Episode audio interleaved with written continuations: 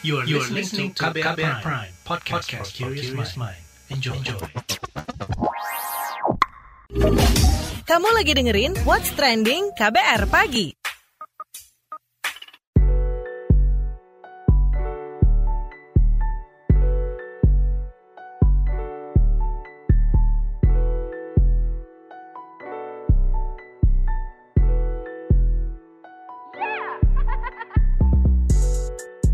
KBR Pagi, siaran pagi radio paling update. Selamat pagi, apa kabar Anda hari ini di hari Jumat 10 Desember 2021? Kembali lagi saya Don Brady menjadi teman pagi hari Anda pastinya di What's Trending KBR Pagi. Silih ganti aturan libur Nataru yang kita obrolin pagi ini. Jadi pemerintah mengklaim masyarakat Indonesia itu sudah memiliki antibodi yang tinggi berdasarkan hasil sero survei yang dilakukan pemerintah. Inilah yang menjadi dasar pembatalan PPKM level 3 bagi seluruh wilayah Indonesia yang tadinya bakal diterapkan saat libur Natal dan Tahun Baru ini. Kementerian Kesehatan menegaskan meski penerapan pemberlakuan pembatasan kegiatan masyarakat level 3 di seluruh Indonesia saat libur Natal dan Tahun Baru batal dilaksanakan, pengetatan tetap dilakukan. Juru bicara vaksinasi COVID-19 Kementerian Kesehatan Siti Nadia Tarmizi meminta masyarakat harus tetap waspada terhadap penularan COVID-19. Apalagi karena terdapat ancaman dari varian COVID-19 seperti Delta maupun Omikron. Sementara Ketua Umum Ikatan Ahli Kesehatan Masyarakat IAKMI, Ede Surya Darmawan, menilai perubahan kebijakan itu membuat pemerintah tidak konsisten. Kata dia, jika melihat cakupan vaksinasi di Indonesia belum bisa dikatakan memiliki kekebalan antibodi. Apalagi kata Ede, masih banyak negara-negara di Eropa kasusnya meningkat tajam meski vaksinasinya sudah mencapai 70 sampai 80 persen dari yang ditargetkan. Nah kita bakal bahas lebih lanjut soal ini, tapi kita simak dulu opini netizen plus 62 berikut ini.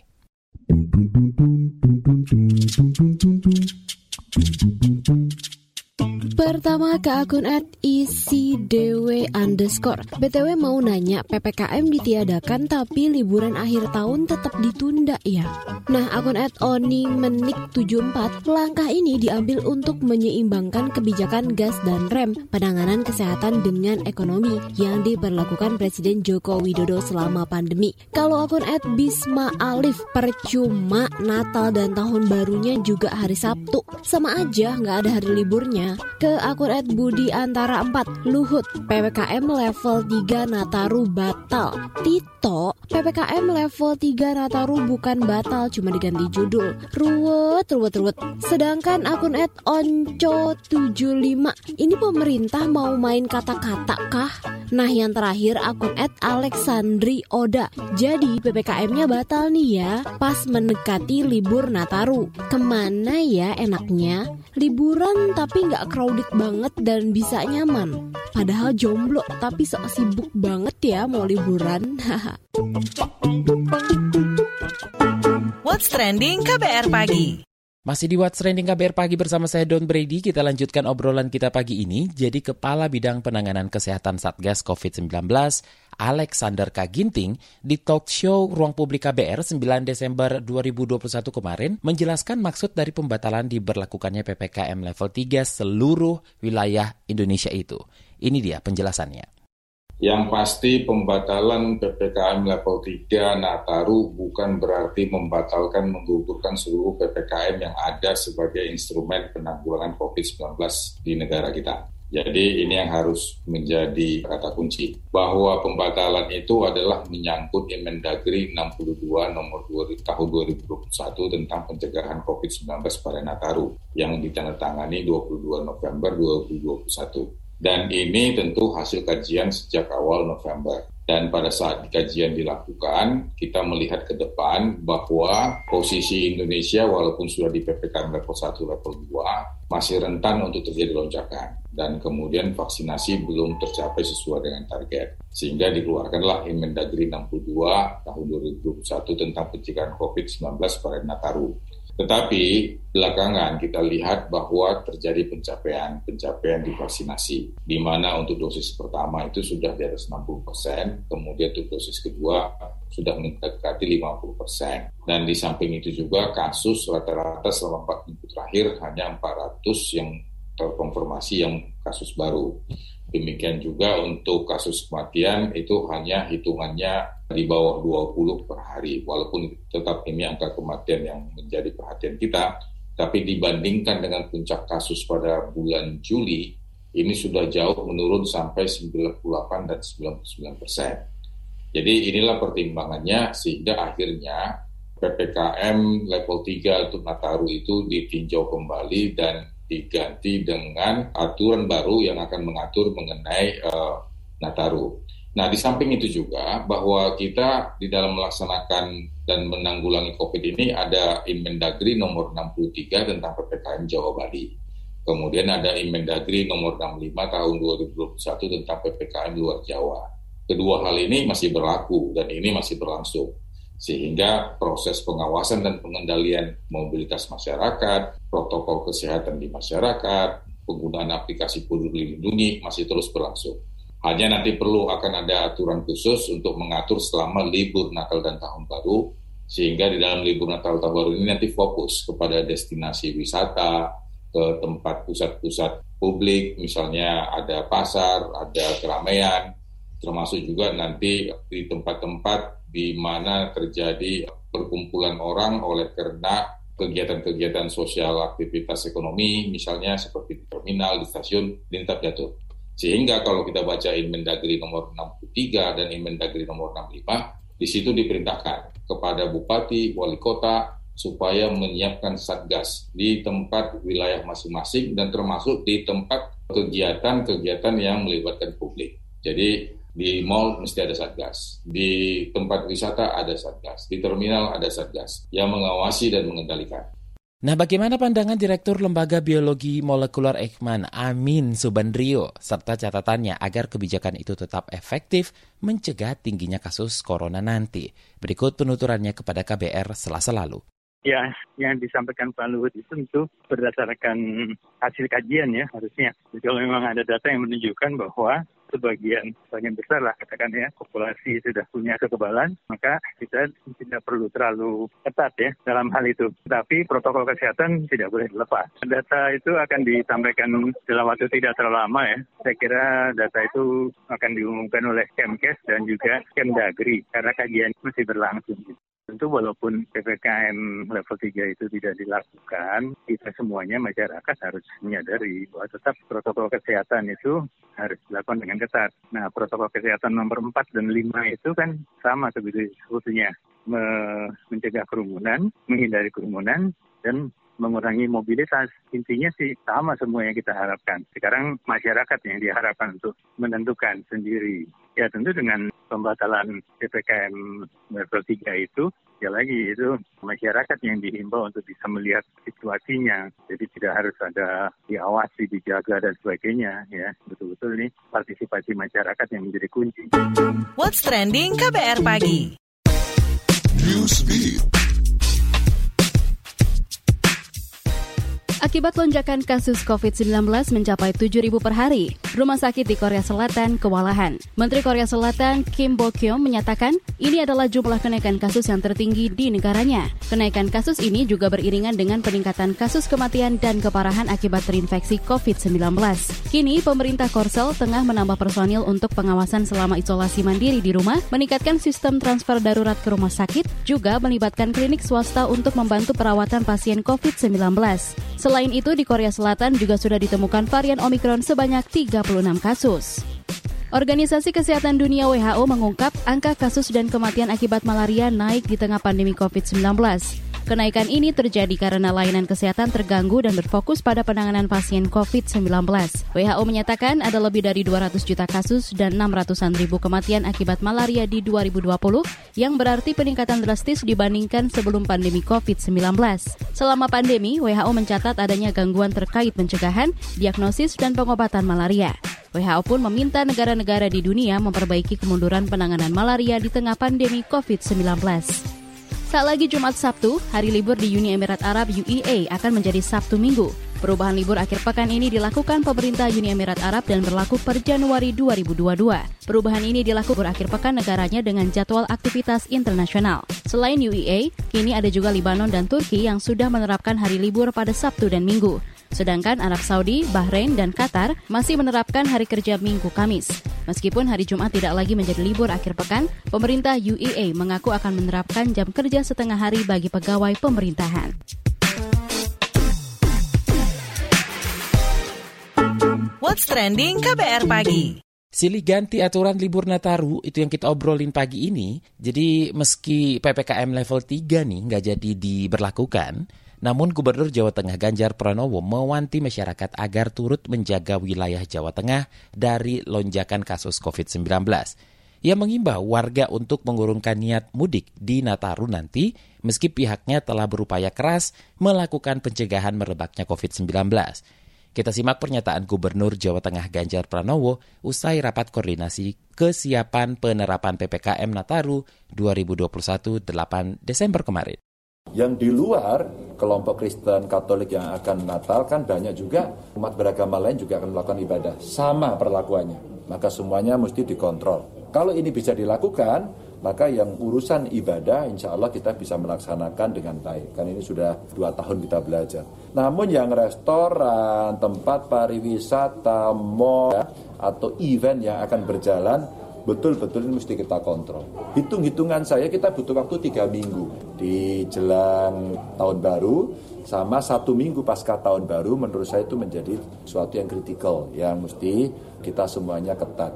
Ya anjuran saya warga Jawa Tengah yang ada di luar Jawa Tengah anda tinggal di situ saja, nggak usah pulang, ya. Rayakan Natal, mungkin tahun baru di tempat itu sehingga tidak terjadi pergeseran yang banyak. Atau warga yang sekarang ada di Jawa Tengah, di Jawa Tengah saja, tidak usah pergi ke mana-mana. Untuk waktu tiga minggu kami butuh dukungan itu, sehingga kalau itu bisa kita dukung, insya Allah kita akan bisa eh, mengamankan. Sementara itu, di kota Bandar Lampung, Pemkot menegaskan akan tetap melaksanakan PPKM level 3 menjelang perayaan Natal dan Tahun Baru. Bahkan, Rumah Sakit Perguruan Tinggi Negeri Universitas Lampung sudah disiapkan sebagai lokasi isolasi, khususnya bagi siapa saja yang terinfeksi COVID-19 saat diperiksa di posko penyekatan perbatasan. Di lain sisi, pemerintah Provinsi Kepulauan Riau menyambut baik pembatalan penerapan PPKM level 3. Kepala Dinas Kesehatan Pemprov Kepri, Muhammad Bisri, menilai keputusan tersebut diambil pemerintah pusat karena PPKM level 3 tidak bisa diterapkan di semua wilayah se-Indonesia. Sedangkan Perhimpunan Hotel dan Restoran Indonesia Banyuwangi, Jawa Timur, optimis tingkat hunian hotel di daerahnya akan naik pada libur Natal dan Tahun Baru 2022. Ketua PHRI Banyuwangi Zainal Mutakin mengatakan pembatalan PPKM level 3 ini menjadi angin segar bagi dunia perhotelan dan pariwisata di Banyuwangi. Kata dia, diprediksi hunian hotel akan meningkat hingga 70 persen, sebab penanganan COVID-19 di Banyuwangi juga berjalan dengan baik. Berikut pernyataannya. Di tahun 2021 ini dengan kebijakan pemerintah tentunya ini akan membawa dampak yang positif dan angin segar bagi pelaku wisata khususnya hotel dan restoran. Nah, di mana karena memang jauh-jauh sebelumnya ini kebiasaan di anggota kami khususnya hotel-hotel juga restoran juga ini banyak yang melakukan reservasi gitu dari tamu-tamu luar kota khususnya. Itu banyak uh, reservasi untuk berkunjung dan berlibur di Banyuwangi. Nah lantas bagaimana perubahan kebijakan untuk akhir tahun itu dipandang pengamat kebijakan publik Trubus Rahadiansyah? Langsung saja kita tanyakan. Pak Trubus, rencana penerapan PPKM level 3 Nataru nanti batal. Terus malah ada PPKM di masa Nataru. Pandangan Anda seperti apa atas perubahan kebijakan ini? Iya, kalau menurut saya sih dengan inkonsistensi atau berupa pelimpannya ya, pelimpannya kebijakan ini, itu akan berdampak kepada ini ketidakpatuhan masyarakat pada kebijakan itu gitu Jadi masyarakat tidak patuh, tidak disiplin, bahkan malah abai terhadap, terhadap ini prokes itu nantinya. Nah yang kedua, kebijakan itu jadi membingungkan masyarakat. Karena kan ini menunjukkan sebenarnya kebijakan pemerintah yang berubah itu kan menunjukkan koordinasinya yang lemah mbak dalam koordinasi gitu. Jadi dulu dari Inmendagri nomor 62, sekarang Inmendagri nomor 63 ya, 63 dan 65, itu menurut saya menunjukkan bahwa pemerintah sendiri tidak punya kematangan dalam perencanaan kebijakan gitu loh. Kalau tadi Anda katakan masyarakat tidak patuh, artinya mereka juga bakal tetap bermobilitas begitu? Iya nggak akan patuh lah masyarakat akan abai, masyarakat akan abai, tidak akan patuh dan kebijakan itu tidak efektif gitu loh, kebijakan itu nggak akan efektif. Gitu. Masyarakat kan masyarakat menganggap bahwa COVID sudah aman, ini kan dampaknya jadi menganggap bahwa COVID itu sudah aman, gitu. Masyarakat sudah euforia Nah, seberapa pentingkah penerapan kebijakan yang konsisten dan apa pengaruhnya pada penanganan pandemi? Ya, jadi pandeminya sendiri jadi nggak terarah, maka kemudian potensi terjadi ledakan COVID nantinya. Jadi penularan apalagi kan sekarang ada Omikron segala kan, varian-varian baru. Ya, perjalanan pemerintah harusnya satu ya menerapkan vaksinasi, mempercepat vaksinasi. Kan masih banyak daerah yang belum divaksinasi. Ya, 3T, terus 5M. Bagaimana pula pengaruh ke pemerintah daerah? Iya melihatnya ya jadi kebijakan diskriminatif karena kan jadi beda-beda kan jadi masyarakat nanti kalau daerah yang menerapkan ketat yang satu nggak ketat terus gimana kan jadi ini toh jadi menjadi beban-beban kepala daerah juga dalam menerapkan ppkm-nya itu sendiri karena kan daerah itu terbatas anggaran juga. Oke, apa yang mesti diperhatikan pemerintah terkait penerapan kebijakan-kebijakan selama Nataru? Apa rekomendasi Anda? Kalau pemerintah sih harusnya ketika membuat kebijakan itu melalui koordinasi dulu, melakukan koordinasi dulu secara komprehensif ya. Jadi melakukan koordinasi. Yang kedua melakukan konsultasi publik. Ya, konsultasi publik artinya minta pertimbangan pada masyarakat, pada publik sebelum kebijakan itu dibuat. Kemudian yang ketiga, pemerintah harus melakukan kebijakan itu harus matang perencanaannya. Istilahnya itu kolaborasi dengan kementerian dan lembaga lainnya, dengan daerah juga secara bersama-sama. Terima kasih pengamat kebijakan publik Trubus Radiansyah. What's trending KBR pagi? Commercial break. Commercial break.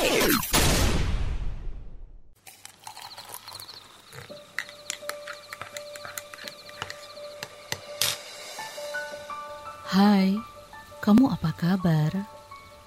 Masih suka menikmati senja dan kopi? Aku masih ingat kebiasaan kita. Sehabis pulang kerja, selalu mencari tempat untuk sekedar ngobrol dan ngopi tapi kadang kita kehabisan bahan obrolan. Aku masih melakukan hal yang sama sampai sekarang tanpa harus takut habis bahan buat ngobrol. Karena aku selalu mendengarkan KBR sore dari Senin sampai Jumat jam 4 sore. Ah, aku rindu. KBR Inspiratif Terpercaya.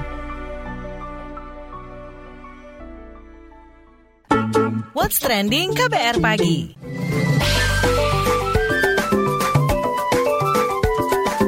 WhatsApp Indonesia.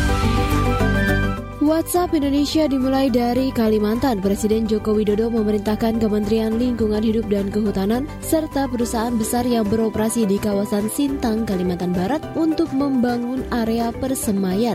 Persemaian merupakan area untuk memproses benih atau bagian tanaman lain menjadi bibit siap tanam. Langkah ini dilakukan untuk mengantisipasi banjir yang terjadi secara berulang. Presiden Joko Widodo juga menjelaskan, pemerintah membangun tanggul pengendali banjir di Sintang sebagai antisipasi jangka pendek jika terjadi hujan ekstrim. Dalam jangka menengah dan panjang, pemerintah akan memperbaiki area tangkapan hujan yang diduga menjadi penyebab terjadinya banjir. Sebelumnya banjir melanda Sintang sejak akhir Oktober hingga November lalu. Akibatnya, empat warga tewas dan puluhan ribu warga mengungsi. Selanjutnya menuju Papua, pemerintah akan menggunakan pendekatan baru untuk menyelesaikan sejumlah masalah di Papua, antara lain soal ekonomi, pendidikan, dan keamanan. Menteri Koordinator Bidang Politik Hukum dan Keamanan, Menko Polhukam, Mahfud MD mengatakan pendekatan yang digunakan ialah pendekatan kesejahteraan yang sudah dicantumkan dalam instruksi Presiden. Ia mengklaim hal ini juga disesuaikan dengan UU Otonomi Khusus Papua. Mahfud MD mengklaim semua arahan Presiden sudah diterjemahkan dengan baik. Menurutnya, jika ada kontroversi, hal itu hanya terjadi di dalam pemberitaan saja. Ia mengklaim pemerintah juga sudah berdialog dengan warga Papua. Terakhir mampir Jakarta, Kementerian Pendidikan Kebudayaan Riset dan Teknologi Kemendikbudristek melalui Direktorat Jenderal atau Ditjen Kebudayaan kembali menetapkan 289 warisan budaya tak benda atau WBTB yang ada di 28 provinsi sebagai warisan budaya tak benda Indonesia tahun 2021. Sertifikat penerapan WBTB secara langsung diserahkan oleh Direktur Jenderal Kebudayaan Hilmar Farid kepada gubernur, wakil gubernur dan kepala dinas pengusul yang membidangi kebudayaan tingkat provinsi. Menteri Pendidikan Kebudayaan Riset dan Teknologi Mendikbudristek Nadiem Makarim mengatakan penetapan WBTB Indonesia ini adalah upaya pemerintah pusat dalam menjaga nilai-nilai asli dari bangsa Indonesia. Ia juga menegaskan penetapan WBTB ini tidak boleh berhenti hanya sampai penyerahan sertifikat, melainkan harus ditindaklanjuti dengan aksi-aksi nyata sebagai bentuk tanggung jawab dalam melestarikan dan memajukan budaya Indonesia. Mendikbudristek berharap warisan-warisan ini menjadi harta yang dikenal oleh masyarakat dunia dan membawa Indonesia melompat ke masa depan. Demikian WhatsApp Indonesia hari ini. Demikian KBR pagi hari ini. Jika Anda tertinggal siaran ini, Anda kembali bisa menyimaknya di podcast What's Trending yang ada di Spotify, kbrprime.id, dan di aplikasi mendengarkan podcast lainnya. Don't ready, undur diri, have a nice day, have a nice weekend. Stay safe, bye-bye. Terima kasih ya sudah dengerin What's Trending KBR Pagi. KBR Prime, cara asik mendengar berita. KBR Prime, podcast for curious mind.